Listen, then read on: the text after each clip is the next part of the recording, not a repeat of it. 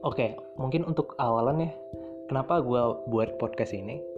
Karena untuk menumpahkan isi kepala gue. Isi kepala gue tuh terlalu bising pada hal-hal ide yang terlalu banyak sehingga kalau itu nggak keluar itu tuh bahaya buat mental gue gitu. Jadi gue harus ada wadah satu satu wadah gitu untuk menumpahkan isi kepala gue gitu.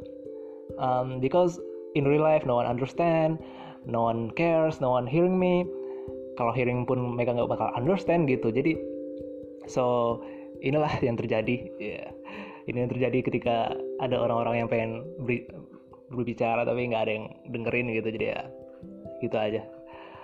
Um, so because kalau kalau lo semua ngerasa yang gue bahas itu cukup relate sama lo ya lo bisa dengerin gue sih.